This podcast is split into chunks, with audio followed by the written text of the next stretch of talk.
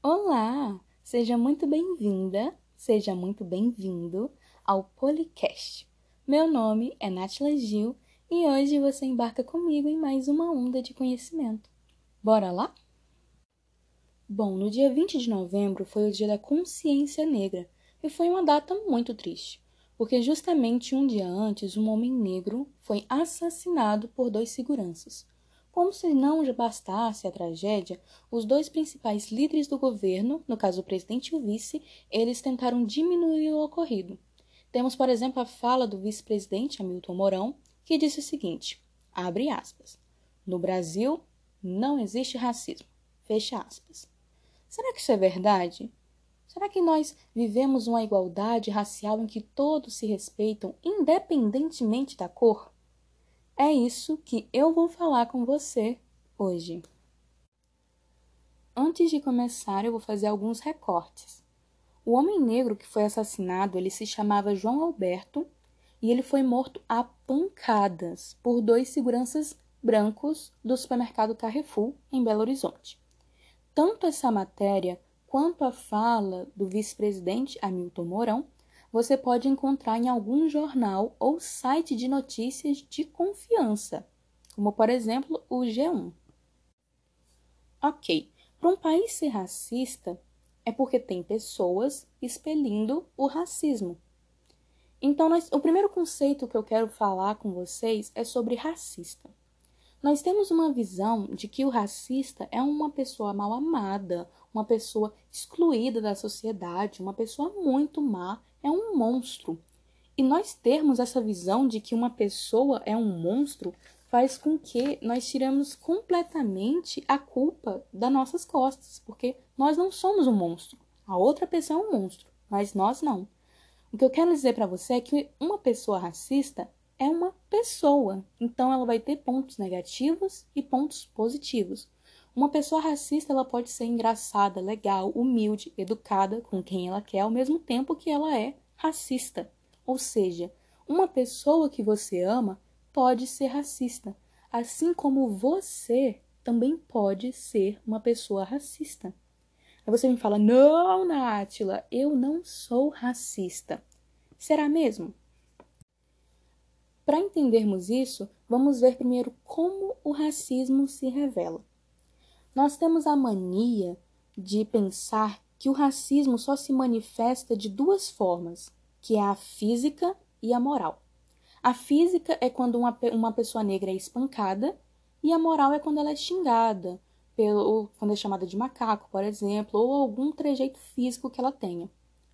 Sim, esses dois pontos fazem parte do racismo, contudo, eles não são os únicos e nós temos essa visão limitada de que o racismo se limita apenas nesses dois pontos, nós excluímos vários outros fatores que também são racistas, fazendo assim com que a sociedade continue no mesmo caminho sem mudar.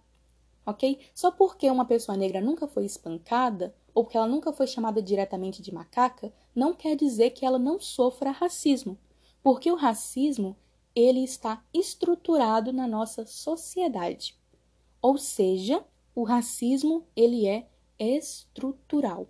Ele começou lá na colonização, quando os escravos, como os escravos, né, quando africanos eles eram sequestrados da sua terra, eram trazidos para o Brasil da maneira mais desumana possível, e eles vinham, eles eram comprados como objetos e eles trabalhavam dia após dia até a sua morte ou até o seu assassinato, né? Porque também tinha essa. Eles não eram considerados pessoas, eles eram considerados uma coisa inferior, um objeto, literalmente, que foi feito para servir pessoas brancas. E essa mentalidade de que preto nasceu para servir, de que trabalho de preto é, é pior do que o trabalho de um branco, de que preto não pensa, de que preto não é inteligente, de que preto não serve para as coisas, essas essas, essas pequenos conceitos eles foram sendo estruturados nas no, nos nossos pilares sociais. Ou seja, o racismo ele foi estruturado na língua, na cultura, na religião, na economia e ainda mais nos conceitos individuais de cada um. Então, ele ficou presente nos principais pilares da nossa sociedade, desde lá do início. Por isso que a gente fala que o racismo ele é estrutural. Tu quer exemplos? Por exemplo, na língua. Palavras como criado mudo, mulata, são palavras, denegrir também, são palavras racistas, que talvez você nem sabia, porque são palavras tão naturalizadas que às vezes a gente nem percebe o peso que elas têm. Mas todas essas palavras, elas são racistas. Ah, mas na nossa cultura, é, ditados populares como fazer nas coxas, eu não sou tuas negras, serviço de preto, todos esses ditados são racistas. Ah, mas na religião, a religião africana a macumba e o candomblé, que eu vou citar aqui, elas foram demonizadas. Literalmente isso que acontece. As pessoas falam que macumba é coisa do diabo, sendo que não faz o menor sentido, porque são religiões diferentes. Religiões diferentes não vão ter o mesmo Deus nem o mesmo diabo. Então não faz sentido demonizar uma religião diferente da sua, mas infelizmente é isso que acontece. Macumba e candomblé para o cristianismo, para as pessoas, ainda é considerado uma coisa do diabo, uma coisa ruim, e assim o racismo ele continua acontecendo. Na, na economia, a maioria das pessoas pobres são negras e a maioria das pessoas ricas são brancas. Assim como o negro ele não está incluído no mercado de trabalho, assim como o negro muitas vezes ele não foi incluído nas faculdades. Então, sim, a economia também está presente com o racismo, né? O racismo está presente na economia e nos conceitos individuais, no julgamento, na predisposição que as pessoas já têm em pensar que um negro não vai ter dinheiro ou que um negro já não vai servir para fazer um determinado serviço. E esses ideais, eles foram sendo passados de pai para filho, de mãe para filha. Ou seja, até hoje, esses, essas ideias, esses conceitos ainda estão presentes na nossa sociedade. E como faz para mudar essa situação? Como faz para eliminar esse racismo que está presente nas nossas estruturas? Uma grande filósofa chamada Angela Davis, ela disse uma vez a seguinte frase: Na nossa sociedade não basta não ser racista, é necessário ser antirracista. E essa frase ela explica tudo. Porque na sociedade que a gente vive aqui no Brasil, eu vou trazer ela estadunidense, mas eu vou trazer a realidade para o nosso país, não basta você não transferir, você não irradiar esse racismo, você precisa cobrar das outras pessoas, você precisa ser antirracista. A partir do momento que você se cobra e que você cobra as outras pessoas, quem sabe aí sim a realidade do nosso país vai mudar. Aí você me fala: Nossa, Nátila, eu nunca tinha pensado nisso. E como eu faço para ser antirracista? Tá aí uma questão muito interessante. Para ser uma pessoa antirracista, a gente pode seguir alguns pontos. Primeiro ponto importante para ser uma pessoa antirracista é reconhecer a sua posição na sociedade. Porque quando você entende qual é o seu papel, o que, que você está exercendo? Você está sendo oprimido ou você está sendo opressor?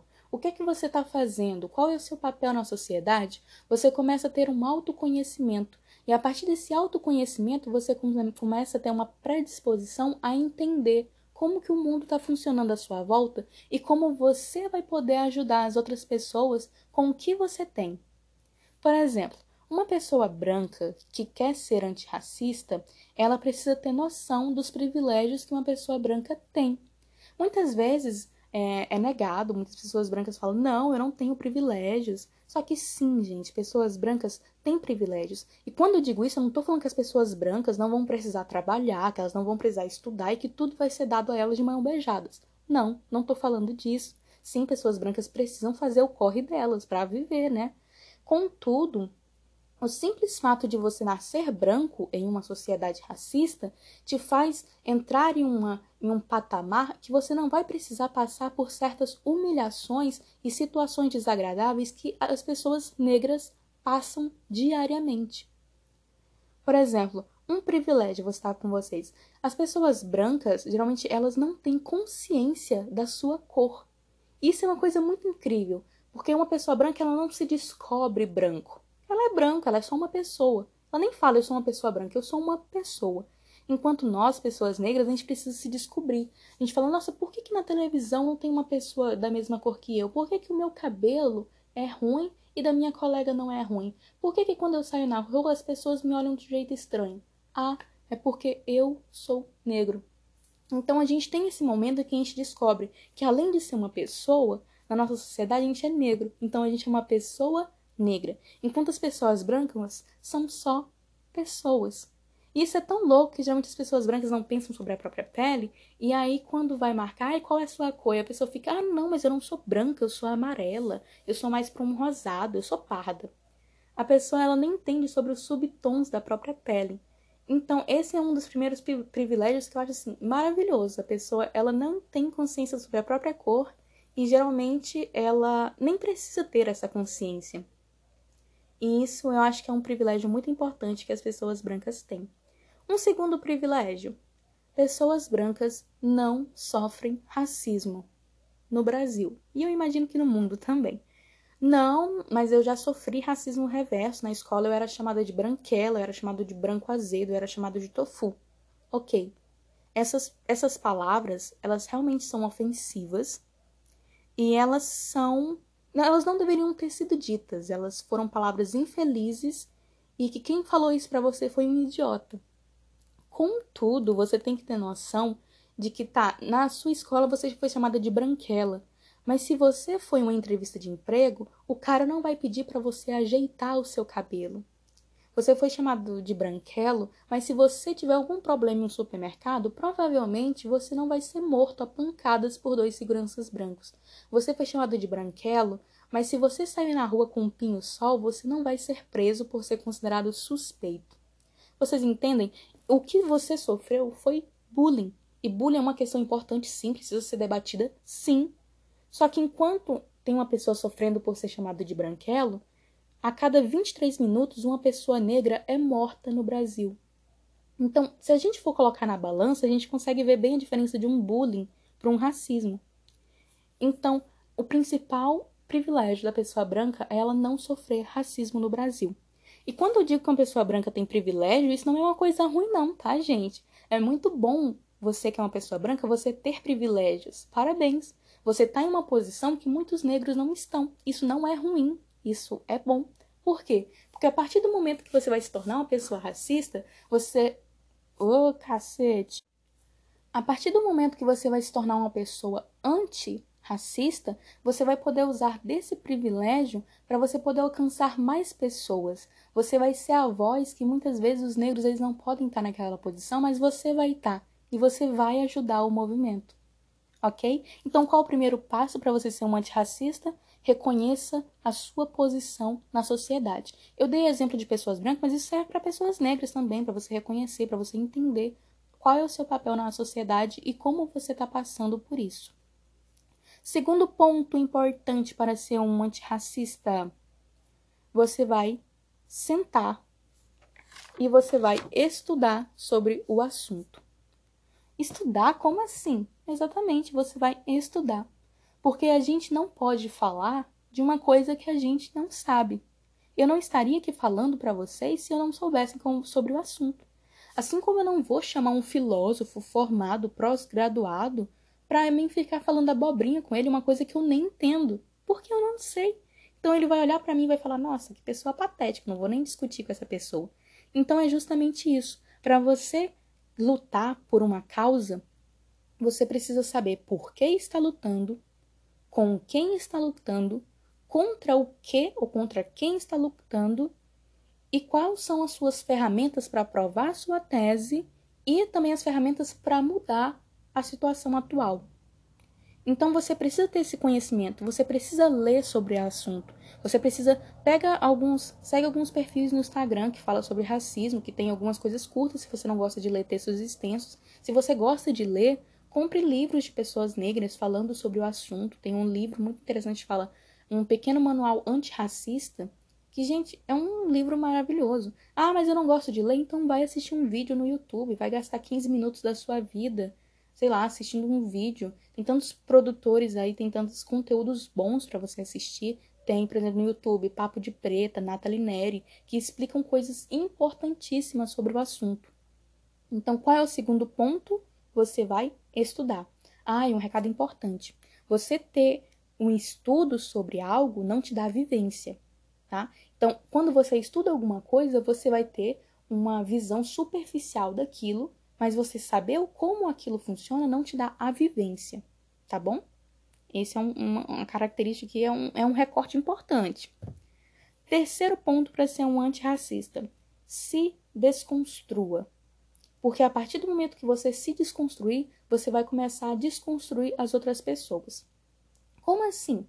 Nós nascemos em uma sociedade racista, machista, homofóbica, xenofóbica, capacitista. Então a gente está cheio de coisas tóxicas. Nós nascemos, nós criamos com, essas, com esse monte de coisa ruim dentro da gente. Que pessoas falaram para nós que isso era certo, que isso era errado, que ah, tudo bem falar isso, tudo bem não falar aquilo. Então, você precisa se desconstruir. Não existe ninguém 100% desconstruído, tá? Isso a gente vai conseguindo com o tempo. E a gente, o principal ponto para a gente se desconstruir é a gente reconhecendo os nossos erros. Por exemplo, é, se você fala alguma coisa, ah, chuta que é macumba, você fala, nossa, isso é uma frase racista. Eu não posso mais falar isso. Nossa, no seu grupo de amigos, quantas pessoas negras você tem como amiga? Só uma. Ou será que você nem tem? Por que, que você não tem? Você pode pensar, nossa, será que é porque não nenhuma pessoa negra serve para ser meu amigo? Ou é porque eu nunca fiz questão de conversar com uma pessoa negra? Nossa, por que, que eu falo isso? Por que, que eu falo aquilo? Por que, que quando eu vou me mencionar um cabelo crespo, eu falo cabelo ruim? Entendem? E aí, quando você estiver desconstruído, quando vir uma pessoa e falar, olha lá que cabelo bombril, olha lá que cabelo ruim, você vai falar, meu amor, não, não existe cabelo ruim, é um cabelo crespo. É um cabelo diferente do seu, mas ser diferente de você não significa que é ruim. Entendem? Então, o terceiro ponto importante para você ser um antirracista é você se desconstruir. Quarto ponto importante: apoie cotas. É, cotas é uma coisa que veio para trazer uma equidade no mercado de trabalho. Tem muita gente que é contra cotas porque fala que cotas tira a vaga de pessoa branca da faculdade. E tá aí a importância de reconhecer o seu lugar na sociedade e estudar sobre racismo. Porque quando você estuda, você descobre que foram mais de 400 anos as pessoas negras foram negadas o estudo pessoas negras não estudavam porque elas eram consideradas burras. Elas não tinham cérebro igual de uma pessoa branca, a gente era inferior. Então por isso a gente não estudava. E ter essa noção fez com que várias pessoas negras não pudessem ter um, sequer o direito de entrar em uma faculdade. E até hoje, como eu disse para vocês, a maioria da população negra é pobre. Então uma pessoa que ela é pobre, ela vai preferir sim sei lá, arrumar um trabalho para conseguir alimento do que ir para estudar, porque estudar já é considerado luxo. Então, por que existem cotas, Nátila? As cotas existem para que uma faculdade tenha uma determinada porcentagem de pessoas negras lá dentro. Porque se ela não tiver aquela determinada, é, aquela, aquele determinado número de pessoas, ela vai ser considerada uma faculdade racista. Nossa, e por quê? Porque a conta não fecha. 51% da população brasileira é negra. Só que a gente olha numa faculdade e só tem uma pessoa negra, só tem cinco pessoas negras. A conta não fecha. Como 51% da população brasileira é negra. Ok. E quantos médicos negros você já consultou? Com quantos advogados negros você já falou? Quantos professores negros já passaram pela sua vida? Quantos farmacêuticos? Quantos engenheiros? Quantos contadores? quantos profissionais negros passaram pela sua vida. Vocês entendem? São pouquíssimos, porque realmente os negros eles foram negados a entrar nesse mercado de trabalho. Então, as, as cotas, elas, as faculdades realmente determinam 13% ou 14% das vagas para pessoas negras, em que não está tirando vaga de pessoas brancas, só está garantindo vagas para pessoas negras. E você falar que é contra as cotas você está dando um soco no estômago da população negra, porque você está literalmente falando: não, isso não está certo. Certo é ter só uma pessoa negra estudando, certo é ter só uma pessoa negra na faculdade, sendo que isso não é normal. Isso não é normal. Então, quando você fala que cotas é uma coisa que não deveria existir, você está tirando o direito de negros estarem no mercado de trabalho. E você só está ajudando o sistema a fazer aquilo que ele quer, que é fazer com que os negros não estejam incluídos no, no mercado de trabalho para que eles não tenham uma vida melhor, uma condição financeira melhor. Quinto ponto e o último, para você ser uma pessoa antirracista, é lute por representatividade e consuma produtos produzidos por negros. Como assim? Lutar por representatividade. Geralmente as pessoas brancas já têm muita representatividade na televisão. Porque já tem muitas pessoas brancas. Só que geralmente as, a gente, as pessoas negras, nós não temos essa representatividade. A gente tem um ou outro, um gato pingado ali, outro gato pingado lá. E isso falta. Porque quando você se vê em alguma coisa, você se sente representado por aquilo. Entendem? Então, quando você vê, sei lá, num jornal aparece uma mulher negra lá sendo a jornalista, você fala, nossa, sei lá, posto no Twitter, que legal, uma mulher negra no jornal. Hashtag vamos ser antirracistas. Vamos incentivar as empresas, incentivem as marcas para que tenha variedade de pessoas. Porque a nossa pele, a, a, o Brasil tem uma variedade de cor imensa. Então, quanto mais representatividade tiver, melhor. Por exemplo, se tiver uma pessoa, uma negra retinta, do cabelo com dread, é claro que eu vou ficar feliz, é uma representatividade, eu vou me sentir representada de certa forma, mas não completamente, porque eu não sou negra retinta e não tenho dread no meu cabelo. Eu sou uma negra de cabelo cacheado. Então, quanto mais representatividade nós buscarmos, mais nós vamos estar incluídos. Sei lá, as marcas geralmente elas buscam pessoas negras, mas no dia da consciência negra, né? Quando tá chegando, ou senão quando surge o um movimento, né? Vidas pretas importam, e aparece um monte de pessoas negras. Depois disso parece que esquecem, né? É uma coisa assim passageira. Então vamos lutar por essa representatividade. Consuma produtos de pessoas negras. Isso é importante. Quantos. No, no Instagram, vou dar um exemplo. Quantas pessoas negras, quantos digitais influencers negro você está seguindo? Quantas pessoas negras você consome? Sério, porque, tipo assim, geralmente você tá pessoa branca, pessoa branca, e quantos negros tem aí? Será que não tem nenhum negro que seja legal, que fale sobre assuntos legais? É claro que tem. Muitos. Ai, como eu acho? Gente, tem vários. Eu anotei aqui um monte, nem sei se vou falar todos. Por exemplo, Coméia 22 é formada por artistas, mulheres feministas negras maravilhosas. Nathalie Neri, Preta Araújo, é, Camila Deluca, Extras Comédia, é, a Yuri Marçal, Ricom Sapiência. Nossa, tem vários nomes, vários nomes, infinitos nomes de pessoas maravilhosas que produzem conteúdos de alta qualidade. E geralmente eles não são reconhecidos porque justamente porque são pessoas negras. Entendo, pessoas negras não falam de racismo o tempo todo. A gente tem uma vida, fala sobre maquiagem, fala sobre música, fala sobre moda, faz comédia. A gente fala de racismo porque é uma, uma coisa que nós precisamos falar. Porque ele está na nossa sociedade, mas a gente não passa o ano todo falando disso. Então, siga pessoas negras, ajudem para que elas consigam chegar no mesmo patamar que pessoas brancas já têm. Ok? Então, respondendo a pergunta lá do início, será que o Brasil é um país racista? Sim, o Brasil é um país racista. E muito. Muito mesmo. Só que se nós nos unirmos, todos nós, independentemente da cor, se nós nos unirmos para lutar contra esse racismo, quem sabe os nossos bisnetos, tataranetos, eles possam falar como um fato verdadeiro que no Brasil não existe racismo. O Polivalente, inclusive, ele gosta de usar a frase que é: nenhum de nós é tão forte quanto todos nós juntos. E essa frase que eu deixo como reflexão. Se nós nos unirmos, se nós lutarmos, se nós sermos antirracistas, quem sabe um dia nós vamos ter uma igualdade plena no Brasil. E é muito difícil porque às vezes a gente sente que a gente está lutando sozinho, sabe? Pessoas negras.